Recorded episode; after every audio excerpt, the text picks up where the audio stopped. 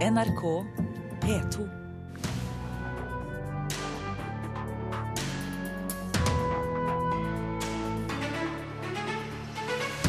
Over 40 selskaper får se hva vi klikker på når vi leser norske nettaviser. Datatilsynet er bekymret i ny rapport.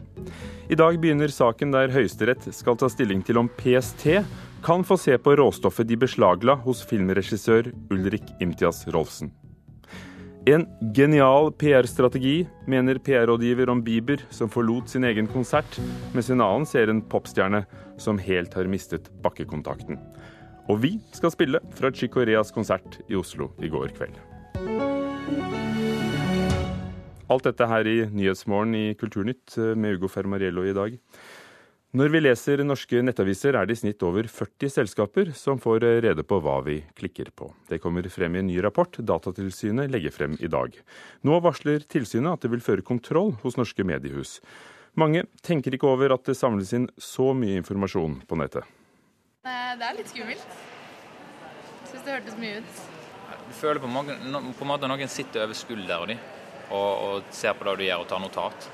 Studentene på Blindern i Oslo er overraska over hvor mange som følger med når de surfer på internett. Datatilsynet har kartlagt forsidene til seks norske nettaviser og funnet ut at det i snitt er 43 ulike aktører som samler inn informasjon om hva du gjør på maskin. Det er alvorlig, mener direktør i tilsynet, Bjørn Erik Thon. Det er i seg sjøl eh, et stort problem at eh, det er ikke bare ett selskap, men mange selskaper som vet veldig mye om oss. Eh, særlig når det er selskaper som vi ikke vet noen ting om. Og vi vet heller ikke hva disse selskapene vet om oss. Så det er en stor ubalanse eh, i kunnskapsforholdene eh, mellom oss. Når du er på en nettstad, legger du att og lagrer informasjon om hva du gjør i en såkalt informasjonskapsel. Og ved å krysse informasjon kan du mellom bl.a. få reklame basert på de søka du har gjort. F.eks. hotellet du bodde på i Barcelona, eller for restauranten du sjekka menyen til på internett. Men det at eh, så mange aktører samler informasjon, og vi har så lite kontroll med hvordan informasjon blir brukt, gjør at Datatilsynet nå varsler kontroll med norske mediehus. Med dette sier jeg jo ikke at det er sånn at norske nettsteder bryter regelverket i stort monn. Eh, men samtidig så har det utviklet seg et marked nå hvor eh, det er vi brukere som er varen. Og det er opplysningene våre som er valutaen vi betaler med. Og Da er det også viktig at vi som datatilsyn går inn og ser på faktisk hvordan dette markedet fungerer. En slik kontroll hilser vi velkommen, sier konserndirektør for salg og marknad Per Brikt Olsen i Allern-konsernet, som bl.a. har Dagbladet NO i porteføljen. Det at Datatilsynet nå eh, kommer på banen og viser interesse for dette, det tror jeg er bra for hele bransjen, og vi er klart positive til det. Sjøl om han ikke har full kontroll på hvordan informasjon blir brukt, mener Olsen at leserne bør kunne kjenne seg trygge. Her har vi en veldig klar datapolicy om eh, åpenhet og transparens, eh, den type ting. Men, men vi åpner jo da for, for det hvor man da legger på uh, kapsler for å, for å, hente data fra, uh, fra IP-adresser. Seasons er en av de som samler informasjon om deg. Det gir de på oppdrag for kunder som Nettavisen, Wall Street Journal og El Pais. Informasjon kan bli brukt til å gjøre både reklame og nyheter mer personlig tilpassa. Administrerende direktør Ståle Bjørnstad er positiv til at Datatilsynet nå vil føre flere kontroller, og mener at alle parter er tjente med mer innsyn. Det som vi er veldig opptatt av, at eh, man får transparens innenfor dette markedet. Det vil Si at man må, man få vite hva hver enkelt aktør gjør, og, og, og, og, hvordan de benytter disse dataene. Slik at eh, vi tror at eh, en bedre overvåkning og en bedre kontroll av Datatilsynet Eh, er veldig viktig, slik at forbrukerne forbrukerne får vite mer om hvor dataene deres egentlig ender opp. Sa Ståle Bjørnstad eh, til slutt her i reportasjen til Espen Alnes. Torgeir eh, Waterhouse i IT-bransjens interesseorganisasjon IKT Norge. For å begynne med begynnelsen. Hva er en cookie, en informasjonskapsel? Helt enkelt så er det snakk om en liten fil som lagres i nettleseren din, som sier noe om hva du har gjort og hvem du er og hvilke preferanser du måtte ha for et nettsted du er inne på. Det kan være noe så enkelt som at den brukes til å styre hva slags språk du ser, eller hvilke funksjoner du ser når du er på et nettsted. Oftere og oftere dukker det jo opp uh, når vi besøker en nettside. Et lite banner med at ved å gå videre godtar du bruken av informasjonskapsler. Hva bør vi vite? Hvor langt kan de gå?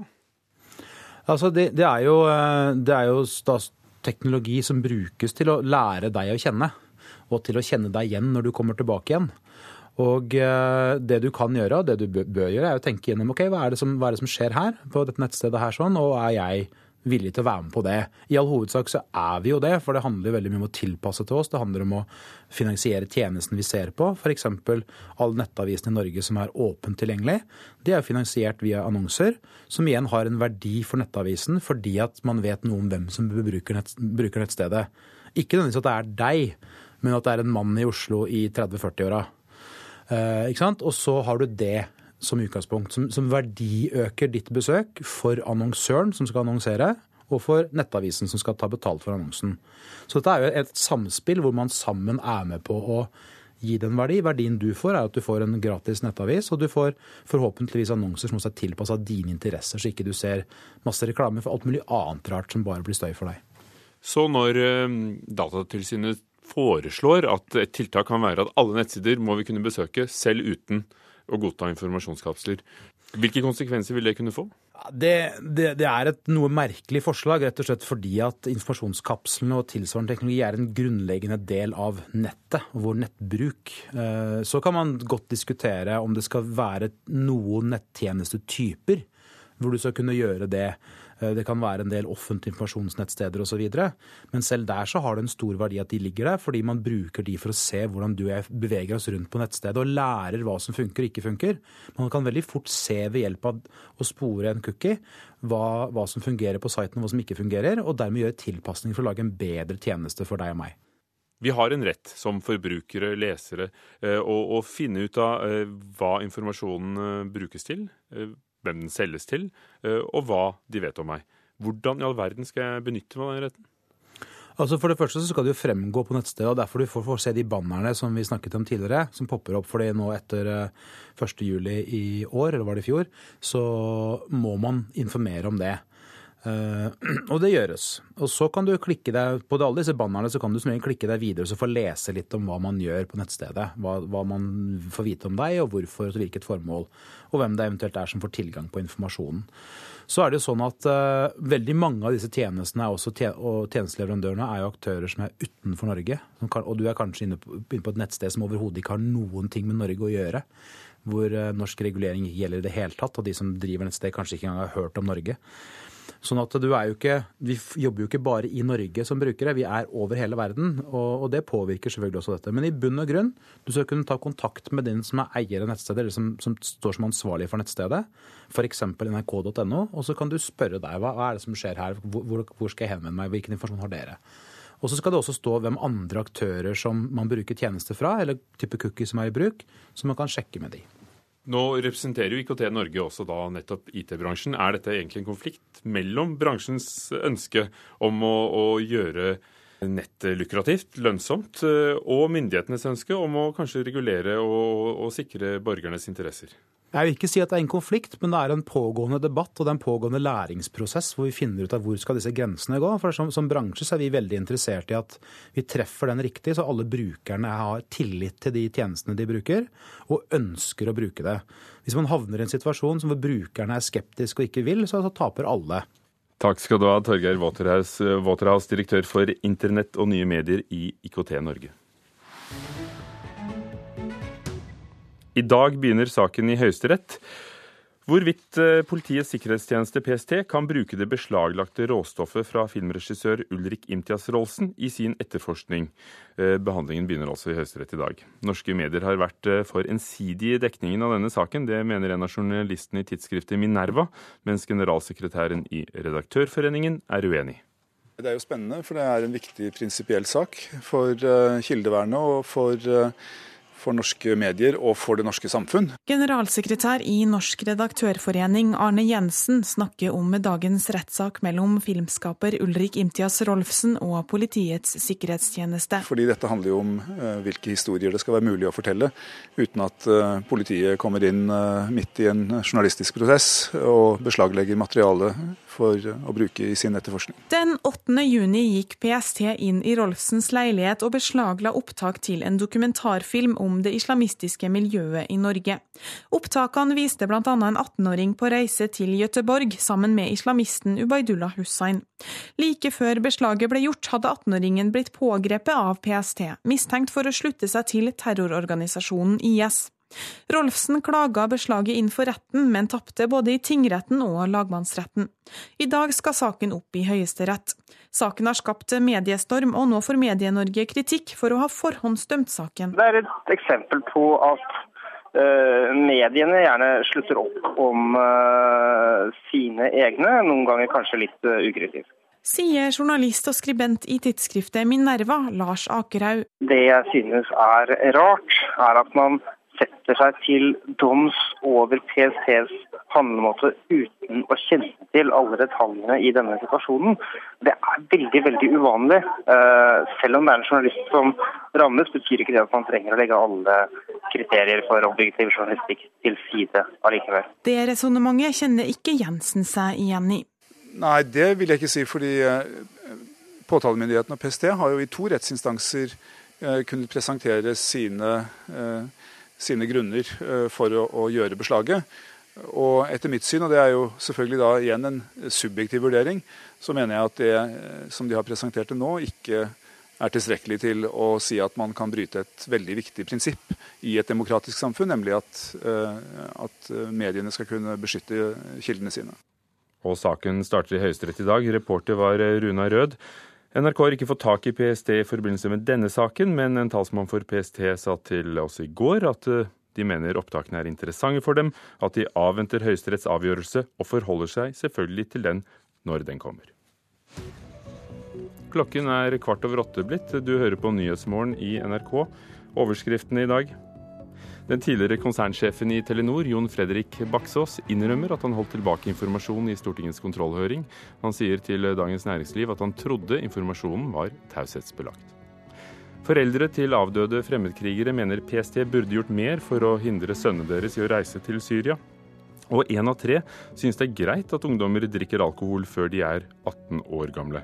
Det viser en undersøkelse fra måteholdsorganisasjonen Av og til. Just need you guys to get warmed up so I can Hey, no, what are you doing? Yo, yo, yo, what are you doing? Stop it. Come on. I said stop it. Yo, what are you doing? Come on. Kanadisk popstjerne Justin Bieber idet han avbrøt konserten i Oslo sist torsdag. Han tørket opp vann fra scenen, og jentene på første rad var ville av begeistring og ikke til å styre. Mye tyder på at det hele var planlagt, sier PR-konsulent Jarle Aabø til TV 2. Og Jarle Aabø, PR-rådgiver og kriserådgiver i Aabø og co. På hvilken måte mener du at dette var et vel gjennomført PR-triks? Eh, I utgangspunktet så er jo Justin Bieber på en PR-turné. Så alt som skjer, er PR og markedsføring. Han prøvde seg da på en eh, liten vri i Spania for å skape den skandalen han nå trenger for å selge plata si. Han gikk ut av et radiostudio, men det var det ingen som brydde seg om. Så kom han til Oslo, og så gikk han av scenen, ganske hyggelig gikk av scenen pga. litt vannsøl. Eh, Justin Bieber går ikke av scenen i affekt pga. vannsøl. Han har fullført konserter med brukket ben. Han trenger en skandale for å selge sin plate. Han skapte skandalen i Norge. Den gikk verden rundt. Han nådde nye målgrupper, og han kommer til å selge enda flere plater. Kanskje noen ble litt fornærmet i Norge, men det gir verden blaffen i. Dag Inge Fjell, høyskolerektor ved Markedshøgskolen. Ser du det også som et vel planlagt stunt? Nei, jeg gjør ikke det. Eh, dette mønsteret har vi sett eh, helt tilbake, i hvert fall så, lenge jeg har lest, 2012, hvor, hvor, det er et eller annet med at han har blitt multimillionær, eh, utrolig populær, i en veldig ung alder, sånn 13-14 år. Og, og, og, dette er liksom typisk for barnestjerner, som, som etter hvert da blir får bare ja-mennesker rundt seg, får liksom leve ut alle muligheter, og så blir de litt for slitne når de da skal gå på og anstrenge seg og holde en konsert. Det er mye som tyder på at dette var et forsøk fra managementet. Scooter Brown har jo lenge ønsket å bredde Justin Bieber, få han til å nå flere målgrupper. Og det minner litt faktisk da om denne juleshowkonserten som etter hvert ble comeback-showet til Elvis i 68, hvor, hvor, hvor publikum kom helt inn på scenen og intimkonsert. Mye tyder på at det var det som egentlig var planen, å lage en sånn, eh, en sånn konsert. Men det da, ville neppe gått verden rundt, at han hadde holdt konsert på Chateau Neuf? Ja, men dette var jo da en dyr TV 2-produksjon. Dette var noe TV 2 skulle sende, tjene gode penger på, og helt sikkert eh, selge videre som en konsertgreie til andre TV-stasjoner. TV 2 uh, sier ingen kommentar. Plateselskapet Universal fikk ikke vi tak i, men det gjorde Dagbladet. Og til dem sier de at uh, de ikke ønsker å spekulere i hvorvidt Bibers konsertavlysning er et PR-stunt. Men Jarle Aabe, hvem skulle stått bak? For det er vel neppe TV 2 som gjerne ville ha denne konserten, og plateselskapet sier at de visste ingenting. og Altså, du, altså, Hvis man jobber med PR for Justin Bieber, så er alle rundt ham verktøy for å nå det man nemlig ønsker verdensoppmerksomhet. Og eh, jeg er helt sikker på at dette er et PR-stunt. for hvis du men, ser... Men hvor ifra? Altså, hvilken, mm. hvilken, del av løken, holdt jeg på å si, hvor langt inn til kjernen av Justin Bieber må du for å finne den som har planlagt dette? Det er jo PR-sjefen hans, så enkelt er det. Men du må også se på hva skjedde etter at han gikk av scenen. Det gikk ikke mange minuttene, så sendte han ut en veloverveid uh, Twitter-melding der han beklaget. Uh, alt dette ser ut til å være planlagt i detalj timet opp mot et platesalg. Og da blir man altså, Det er nesten naivt å tro at det ikke er et, et PR-stunt, fordi Eh, kan det ikke være et heldig sammentreff av en, eh, en gretten eh, barnestjerne som knapt har sovet, Nei, det, og en plate som kommer? Altså, Jeg tror den eneste måten å kunne forklare dette bort fra PR, er at Justin Bieber har en ekstremt lav IQ eller er en psykiatrisk pasient. Det er klart dette er planlagt i detalj. Nei, men På veldig lite søvn og på masse medikamenter så blir de fleste Men hvor har du det med medikamentene fra? Nei, men Det er vel ganske øh, skal vi si, bevist gjennom både andre som har vært sammen med han, og, og og reportasjer som har vært, at eh, det er mye på, på spill her med tanke på uppers and downers og alt dette. Men, men, men, før vi går videre, eh, og, og, før dere sier mer, dere rekker opp hånden begge to. og eh, det, Nå skulle jo selvfølgelig Bieber vært her og, og snakket om sin pillebruk, men det, det, er han ikke, så det vet vi ingenting om. Derimot vet vi at han få dager etter uh, den avlyste konserten i Oslo slapp denne låten.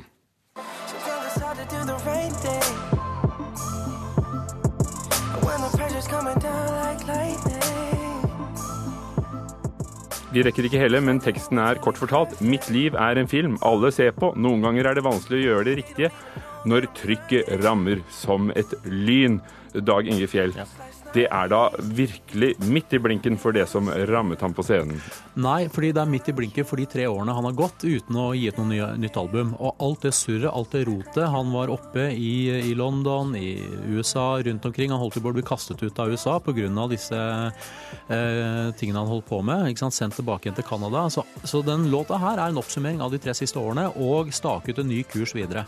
Ja, Låbe, du ser det annerledes? Nei, altså Jeg opplever min motedebattant som veldig naiv. Hvis man ser på hvordan amerikanske artister lanserer sine plater, så er det gjennom skandale på skandale på skandale på skandale. Det er et av de mest kjente PR-grepa i verden. Men har de da skjønt at de kommer til Norge, et land fullt av blåøyde, naive mennesker, hvor dette faktisk brukes mye tid på. Dette er jo virkelig stoff for alle sammen, unntatt de stakkarene som var på konserten. Så, så, er jo dette Det kunne ikke skjedd noe bedre for pressen eller, eh, eller eh, andre musikkinteresserte? Det var derfor de valgte Norge som sted for dette. De forsøkte seg i Spania, det var ingen som brydde seg. Så kommer de til det følsomme lille Norge, der mange blir så fornærmet. Og så ble jo da Bibel i Norge en snakkis gjennom hele weekenden og han nådde nye målgrupper i Norge, men han tok verden på nytt. Alle vet nå at uh, hans nye plate kommer, og det artige er denne gangen er at Justin Bieber kommer faktisk med en veldig bra plate, og jeg gleder meg til å høre den. forretningsmessig så henger ikke dette sammen, Ove. Fordi poenget er at nå blir altså Justin Bieber en virkelig risiko å ta for alle som arrangerer konserter rundt omkring. Alle som skal booke ham. Forsikringsbrevene kommer til å gå opp.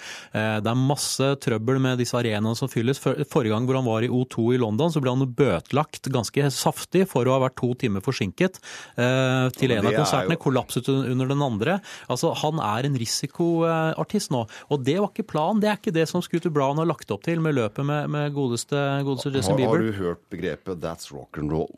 Men du sammenblander inkompetanse med konspirasjoner. Altså Det er noe med at eh, når noe går galt, så er det veldig lett å ty til konspirasjoner. Men Jeg noen ganger så er svaret ganske enkelt. Men kan det være at eh, de noe inntraff, eh, hvem som nå planlagde det eller ikke, så har de da i hvert fall gjort det beste ut av det Ja for da, dem selv? De sitter jo og spinner dette. Altså, Og høy alle- risiko gir jo ofte høy premie. Gevinst. Jo, jo, men, men hvor, altså, hvilken kred har han videre? Altså, det er jo den der transformasjonen fra å være en tenåringsstjerne til å bli en voksen. Og det går ikke gjennom eh, rock'n'roll-spor, for han er jo ikke rock'n'roll-artist. Han er jo en popartist, han er en tenåringspop-artist. Kunne du tenkt deg den kontrakten til eh, Justin Bieber, Jarle Aabe i Aabe Co.? Eh, den kunne jeg tenkt meg, men jeg tror faktisk ikke jeg har kompetanse nok til å hjelpe en amerikansk artist på verdensmarkedet. Men jeg skulle gjerne ha prøvd. Takk skal dere ha. Jarle Aabe, PR-rådgiver, Dag Inge Fjell, høyskolelektor ved Markedshøgskolen. Hør flere podkaster på nrk.no podkast.